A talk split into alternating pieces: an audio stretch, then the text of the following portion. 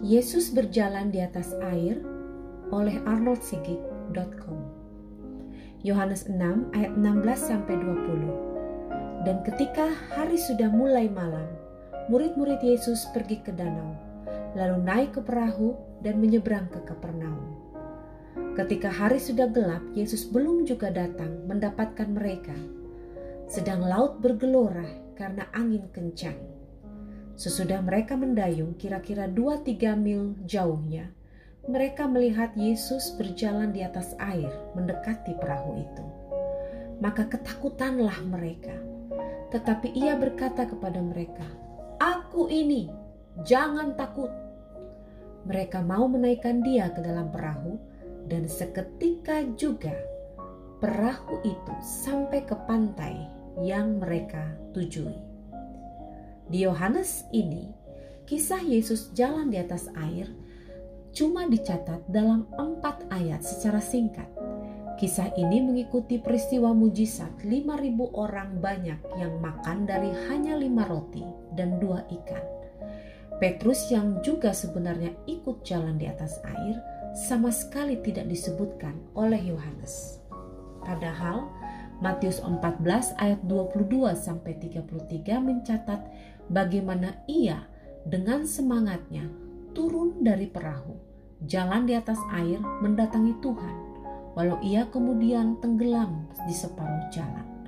Markus pun tidak mencatat Petrus yang ikut jalan di atas air ini, cuma Yesus yang disebutkan. Markus 6 ayat 45 sampai 52. Padahal Injil Markus sering kali dianggap sebagai Injil menurut Petrus, disebabkan karena Markus si penginjil adalah murid Petrus sendiri. Kisah para Rasul 12 ayat 12. Sebelum ia menjadi travel companion kepada Paulus dan Barnabas. Injil Lukas sendiri sama sekali tidak mencatat peristiwa ini. Banyak orang berusaha menirukan peristiwa Yesus jalan di atas air ini, entah dengan memakai trik sulap atau kuasa gelap mereka semua berusaha membuktikan bahwa mereka juga punya kuasa yang hebat seperti Tuhan. Termasuk banyak hamba-hamba Tuhan yang mencoba berjalan di atas air. Bahkan salah satu serial terbaru Netflix, Messiah, menggambarkan bagaimana si Almasi, Payam Golshiri, bisa berjalan di atas air di Lincoln Memorial Reflecting Pool di Washington DC.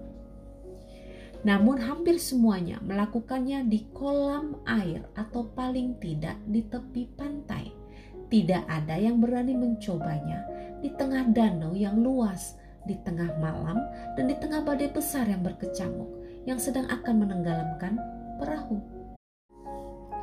Ini yang banyak kali kita gagal perhatikan, bahwa Yesus bukan hanya berjalan di atas air, tapi ia berjalan di atas badai dan ombak besar yang sedang mengamuk hebat di tengah malam. Berjalan di atas air kolam sudah cukup sulit. Kemungkinan besar semua yang mencobanya tenggelam lebih dahulu berulang kali sebelum berhasil melakukannya. Apalagi kalau mencoba berjalan di atas air di tengah badai, nyawaku kan cuma satu, pikir mereka yang mencobanya hari sudah mulai malam. Yohanes 6 ayat 16 dan ketika hari sudah mulai malam. Perikop ini dimulai dengan pernyataan bahwa saat itu dimulai dengan malam yang sudah tiba. Ya, menurut Injil Yohanes ini disebabkan karena peristiwa ini mengikuti mujizat lima roti dan dua ikan.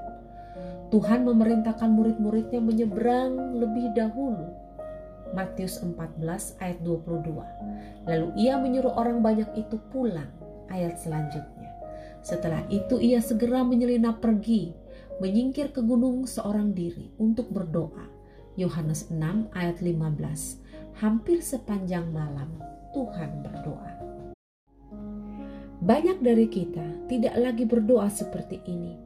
Acara doa semalam suntuk di gereja hampir tidak ada lagi Acara seperti ini sering kali dianggap sudah ketinggalan zaman. Gereja yang masih melakukannya dicap sebagai gereja kuno.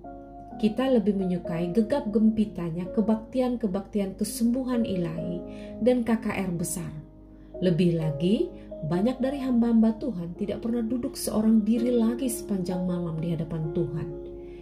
Ya, jangankan berdoa sepanjang malam, bangun subuh untuk berdoa satu jam saja sangat sulit dilakukan. Mungkin kita semua sudah terlalu sibuk untuk Tuhan. Kita lupa bahwa melayani Dia jauh lebih penting daripada melayani pekerjaannya. Tapi bagi Yesus sendiri, ini bukan sekedar berdoa sepanjang malam. Ini momen ia menyingkir seorang diri, datang kepada Allah Bapa. Ia menyingkir, mengasingkan dirinya, datang berlindung kepada Dia yang mengutusnya ke dunia ini. Yohanes 6 ayat 14 sampai 15 menyebutkan bagaimana ia kesal disebabkan orang banyak yang sedang datang untuk menjadikan ia raja atas Israel. Tuhan tahu bahwa saatnya belum tiba untuk menjadi pembebas bagi Israel, menjadi raja yang melepaskan mereka dari jajahan Romawi. Ia tahu bahwa mereka dan kita semua lebih membutuhkan hati yang baru, Yohanes 3 ayat 5, daripada sekedar pemerintahan yang baru. Tuhan tahu bahwa saat-saat itu adalah saat-saat di mana ia sedang menuju ke salib. Sebab saliblah yang akan memberikan hati yang baru, kelahiran kembali bagi mereka yang percaya padanya. Ia menyingkir. Bagaimana ia kesal bukan bermaksud untuk menunjukkan Tuhan marah pada orang banyak, tapi kesadaran dan pengertian yang datang padanya yang membuat ia menyadari dengan penuh hati mereka. Maksud orang banyak ini yang sudah menjadi kenyang setelah makan mujizat lima roti dan dua ikan itu. Yohanes 6 ayat 14 menunjukkan bagi orang banyak bahwa Yesus adalah nabi dan pelepas mereka, bukan Tuhan putra Allah yang maha tinggi. Pengakuan yang kemudian hanya datang dari murid-muridnya sendiri. Yohanes 6 ayat 69. Mereka hendak datang untuk menjadikan dia sebagai raja mereka.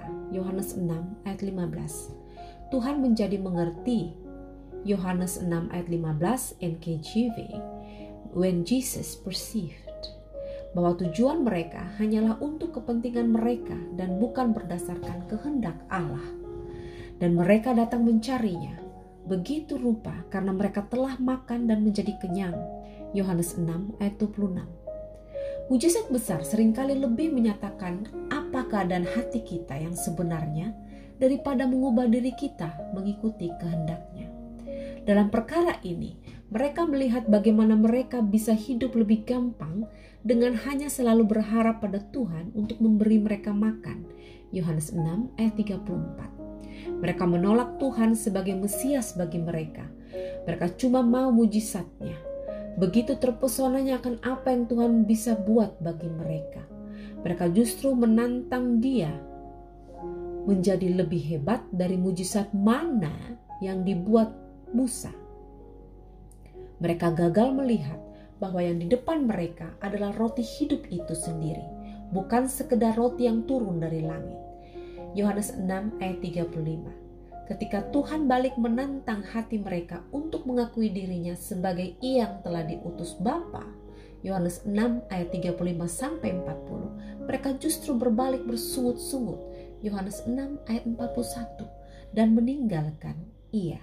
Yohanes 6 ayat 66. Tuhan mengenal kita semua dan mengetahui apa yang ada dalam hati kita masing-masing. Yohanes 3 ayat 24 sampai 25. Banyak kali kita hanya mencari Dia sungguh-sungguh bukan karena kita menginginkan Dia, tapi karena segala mujizat dan keajaiban yang sanggup Ia kerjakan. Kita tidak peduli akan siapa Dia, kita cuma mau pertolongannya dan banyak dari kita menginginkannya untuk kepentingan kita. Kita gagal melihat seperti dia melihat. 1 Samuel 16 ayat 7. Seringkali kita berpikir telah mengandalkan dia, Yeremia 17 ayat 7 sampai 8. Tapi untuk kepentingan kita sendiri, bukan untuk kehendak Allah. Ya, kita harus mengakui betapa liciknya hati kita masing-masing. Yeremia 17 ayat 9 kita harus berbalik dari jalan-jalan yang jahat ini.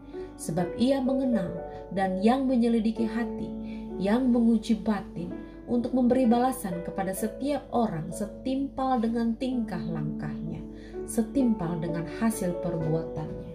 Yeremia 17 ayat 10 Itu sebabnya ia dengan segera menyelinap pergi menyingkir ke gunung se seorang diri untuk berdoa. Yohanes 6 ayat 14-15 Sepanjang malam sampai menjelang pagi, ia sendirian di situ. Matius 14 ayat 23 Di saat yang sama, murid-muridnya yang sudah lebih dahulu menyeberang sedang bergumul begitu rupa menghadapi badai besar yang menerpa mereka. Kita bisa saja berpikir ia telah meninggalkan mereka sendiri menghadapi badai besar itu. Tapi ayat di Markus 6 ayat 48 menunjukkan fakta menarik bahwa ia melihat betapa payahnya mereka mendayung karena angin sakal. Tuhan melihat, ya, Tuhan tahu dan sedang memperhatikan kita senantiasa. Tuhan melihat, Tuhan tahu. Jika ia sedang di atas gunung seorang diri, di tengah malam, dan murid-murid sedang di tengah badai, bagaimana mungkin ia bisa melihat mereka? Jarak pandang normal di siang hari bisa mencapai 4-5 km di hari yang cerah. Tapi jika di malam hari dan di tengah hujan badai yang deras, bagaimana mungkin Tuhan yang ada di atas bukit bisa melihat murid-murid yang sedang di tengah danau berusaha mendayung dengan kuatnya menerobos badai yang menerpa mereka? Apakah ia melihat lewat suatu penglihatan dalam doanya atau suatu penampakan oleh kuasa roh atasnya? Kata yang dipakai dalam bahasa asli perjanjian baru menunjukkan hal yang menarik. Horal berarti menatap, memperhatikan dengan jelas dan bisa membedakan. Tapi kata ini juga berarti ia melihat karena ia hadir di situ. Lebih jauh ini berarti ia ikut mengalami dan secara pasif ia hadir di situ bersama dengan murid-muridnya yang sedang mengalami badai besar tersebut. Ya, Tuhan bukan hanya tahu apa yang kita lalui, ia hadir bersama kita. Ia rasa apa yang kita rasa. Ia lihat semua yang sedang terjadi. Tidak ada satupun yang lepas dari pengawasannya. Tuhan kemudian datang kepada mereka berjalan di atas air, di atas ombak, dan badai besar tersebut. Ia tidak jalan di atas kolam renang yang airnya cuma beriak-riak tenang dan dalamnya hanya 1-2 meter. Ia jalan menyeberangi danau. Tidak hanya untuk sesaat atau untuk dipamerkan kepada orang banyak. Di tengah malam menjelang pagi, ia berjalan sendiri. Ia bahkan tidak berusaha menenangkan badai tersebut lebih dahulu. Ia berjalan menerobos badai itu dan dalam Markus 6 ayat 48 ini disebutkan, ia hendak mendahului mereka. Seakan-akan ia sedang menantang para murid bahwa ia lebih cepat sampai di seberang hanya dengan berjalan kaki. Bagaimana kalian? Murid-murid saat itu sedang berusaha mati-matian mendayung melawan badai yang menerpa mereka, melawan mendorong mereka ke arah berlawanan. Yohanes 6 ayat 19 Matius 14 ayat 24. Kalian ramai-ramai kan? Bahkan lebih dulu start dari saya? Yang terjadi berikutnya sangat mengejutkan sebab murid-murid mulai berteriak ketakutan. Itu hantu. Yohanes 6 ayat 19, Matius 14 ayat 26, Markus 6 ayat 49. Murid-murid sedang mati-matian berusaha mendayung supaya perahu mereka bisa segera keluar dari kepungan badai di tengah danau.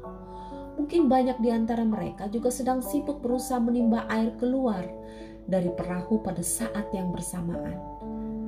Yang lain sibuk berkomat kamit mengucapkan doa sambil mendayung, berharap seandainya Yesus ada di situ seperti sebelumnya.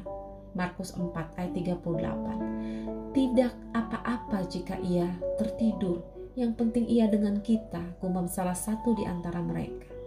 Tapi tiba-tiba seorang di antara mereka terperanjat meloncat ke belakang sambil berteriak, "Hantu!" Yang lain menoleh kepadanya dan menyaksikan wajah yang basah dan lelah itu berubah pucat putih seperti semua darahnya berlari sembunyi ke belakang kepalanya. Waktu mereka berbalik melihat ke arah mana ia terperanjat, semuanya ikut terkejut. Tidak bisa dibayangkan betapa paniknya mereka menyaksikan ada suatu penampakan di salah satu sisi perahu mereka. Penampakan yang mendekati mereka. Berwujud seperti seorang manusia yang sedang berjalan di atas air. Itu pasti hantu. Sekarang semua berteriak-teriak. ego Amy. Tetapi ia berkata kepada mereka, Aku ini, jangan takut. Yohanes 6 ayat 20. Di Matius dan Markus ada penambahan kata tenanglah. Di terjemahan yang lain bahkan disebut bergembiralah, terhiburlah, jangan takut, aku ini, bukan ini aku. Kata aku ini menunjuk pada ego ini kata Yunani koinonia yang dipakai untuk menerjemahkan perkataan Ibrani yang berarti aku adalah aku. Pernyataan akan siapa Tuhan yang diberikan kepada Musa. Keluaran 3 ayat 14. Bukan ini aku yang menunjuk kepada kehadiran Yesus saja, hanyalah seperti penyertaan seorang kawan yang telah muncul di tengah-tengah kesulitan mereka. Tapi aku ini ego Amy menunjuk kepada Tuhan. Yahweh itu sendiri sekarang hadir di tengah-tengah mereka. Bukan sekedar Tuhan hadir bersama dengan kehadiran Yesus sendiri, tapi Yesus itulah Tuhan yang sendiri hadir di situ. Guru mereka ini adalah Tuhan atas Israel yang telah dipilihnya berabad-abad sebelumnya. Tuhan yang adalah pencipta langit dan bumi sekarang hadir di situ dengan mereka. Jika ada seorang mengklaim bahwa Yesus tidak pernah menyebut dirinya Tuhan, apalagi dengan memakai ayat di Matius 19 ayat 17, orang itu sebenarnya mengucapkan hal yang benar. Sebab baik dalam terjemahan Indonesia maupun Inggris, Yesus tidak pernah menyebutkan dirinya adalah Tuhan. Aku adalah Tuhan atau I am God tidak pernah muncul tapi pada saat yang sama, orang tersebut hanya menunjukkan kebodohannya, sebab ia seharusnya mengerti bahwa Alkitab tidaklah dituliskan dalam bahasa Inggris dan tidak dituliskan kepada mereka yang berbudaya bahasa Inggris ataupun bahasa Indonesia. Jadi, pernyataan "Aku, Yesus adalah Tuhan" memang tidak ada. Alkitab ditulis dalam bahasa Ibrani, Yunani, dan Aram, Ibrani kuno, Ibrani sehari-hari, dan ditulis untuk mereka orang Ibrani ini. Bagi orang Ibrani, aku adalah aku atau ego eimi dalam bahasa Yunani, bahasa asli perjanjian baru punya pengertian sama dengan aku adalah Tuhan dalam bahasa Indonesia atau atau Inggris, I am God. Dan justru karena klaim Yesus sebagai ego eimi inilah aku adalah aku, ia kemudian disalibkan oleh bangsanya sendiri, orang Yahudi Menurut orang Yahudi, siapa pun yang mengklaim dirinya Tuhan atau setara dengan Tuhan, anak Tuhan, putra Tuhan, son of God, adalah suatu penghujatan besar. Jika memang Tuhan tidak mengklaim dirinya Tuhan, seperti kata mereka-mereka itu, kenapa kemudian orang Yahudi justru menyalibkan dia? Dalam Yohanes ini sendiri, Yesus menyebut dirinya sebagai ego eimi lebih dari tujuh kali paling sedikit.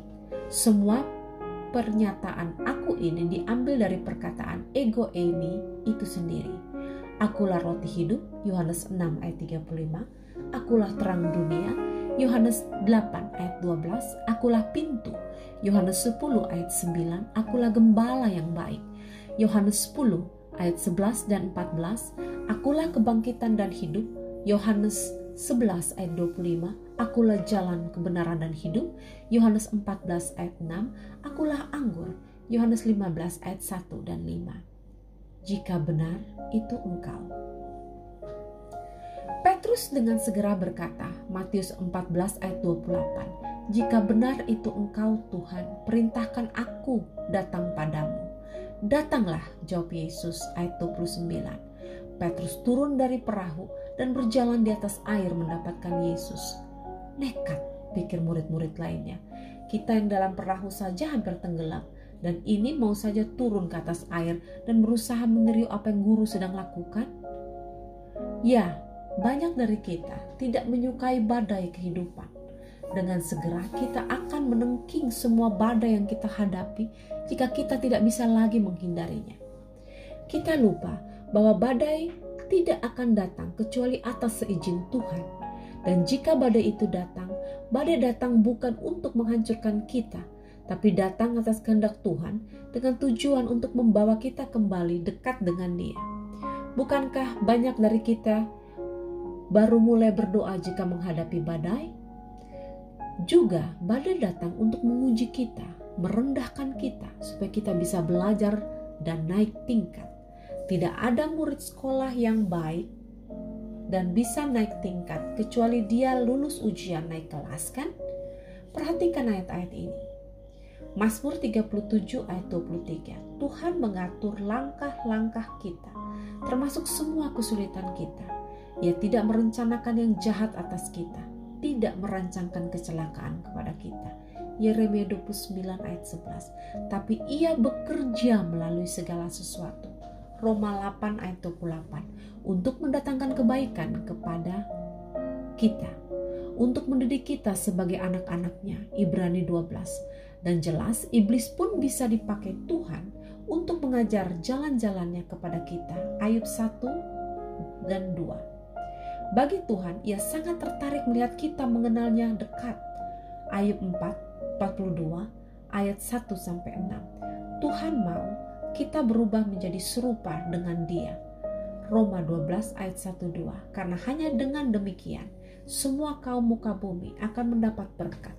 Kejadian 12 ayat 3. Badai. Memang benar ada paling tidak tiga macam reaksi manusia menghadapi badai. Menghindar, berani menghadapi, dan menantang badai. Mungkin banyak dari kita berani menghadapi badai jika sama sekali tidak terhindarkan lagi. Tapi hampir tidak ada yang mau menantang badai itu sendiri.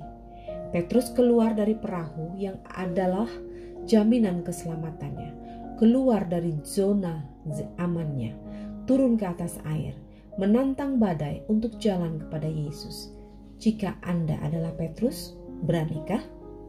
Banyak dari kita lebih seperti murid yang lain yang hanya berani kritik, rumor, and gossip behind.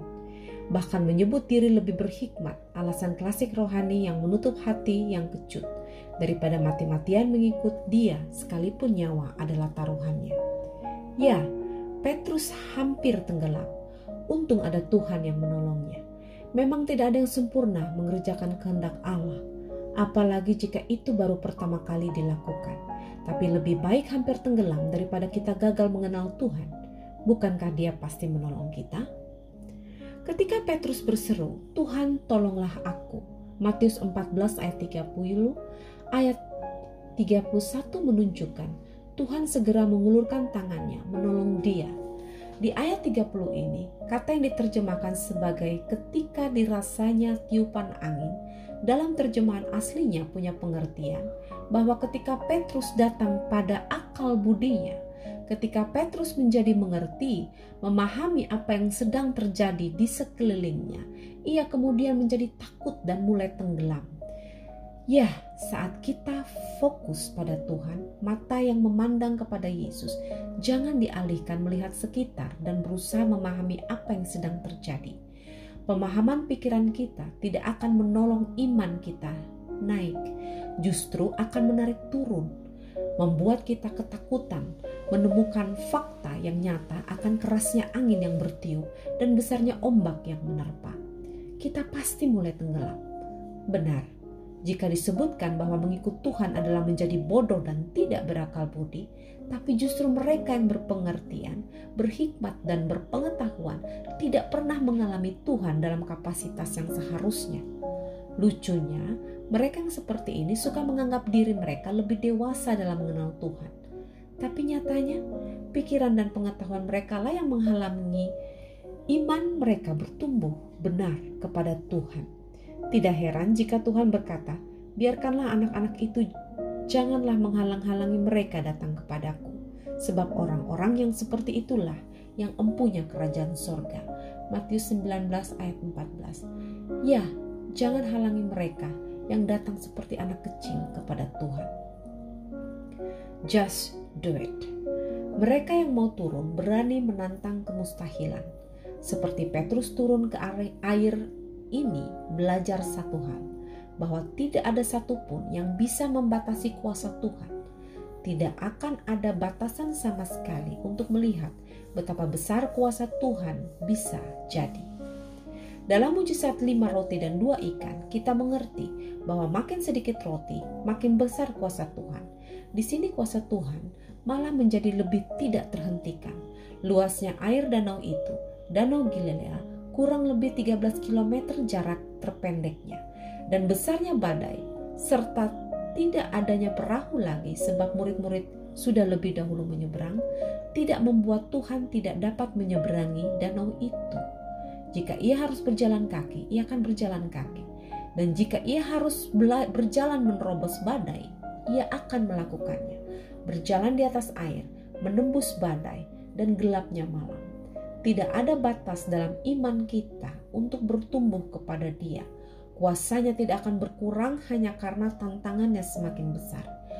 Yang jadi pertanyaan sekarang, Mas, maukah kita keluar dari perahu kita dan turun ke atas air, berjalan di atas badai kepada Dia? Just do it. Seperti iklan naik. Jangan berusaha dimengerti atau dipahami. Sekali lagi, akal budi kita tidak akan menolong. Iman kita ditentukan pada berapa besar kita berserah kepada Dia dan nyata hanya lewat tindakan, bukan sekedar perkataan. Dua hasil yang berbeda. Ketika mereka naik ke perahu bersama-sama, Alkitab berkata, angin pun redalah. Matius 16 ayat 32, Markus 6 ayat 51. Ya, tidak semua badai harus ditengking. Tidak seperti badai yang pertama, Markus 4 ayat 39 di badai kedua ini, Tuhan cukup naik perahu. Angin pun redalah. Badai itu diam dengan sendirinya begitu Tuhan menjejakkan kakinya di atas perahu. Tapi dalam Yohanes 6 adalah hasil yang berbeda begitu Tuhan naik ke perahu. Ayat 21 berkata bahwa perahu mereka langsung sampai ke tujuan ke mana mereka mau datang seketika itu juga. Rupanya ada kuasa roh kudus yang mengangkat mereka dari tengah danau, dari dalam badai, dipindahkan dalam sekejap sampai ke pantai di mana mereka mau datang. Suatu kuasa luar biasa yang sampai sekarang tidak ada yang menyamainya. Keajaiban yang hanya bisa dilihat di film-film modern seperti Star Wars atau Star Trek ketika tokoh-tokoh film itu diteleportasi dari satu tempat ke tempat yang lain.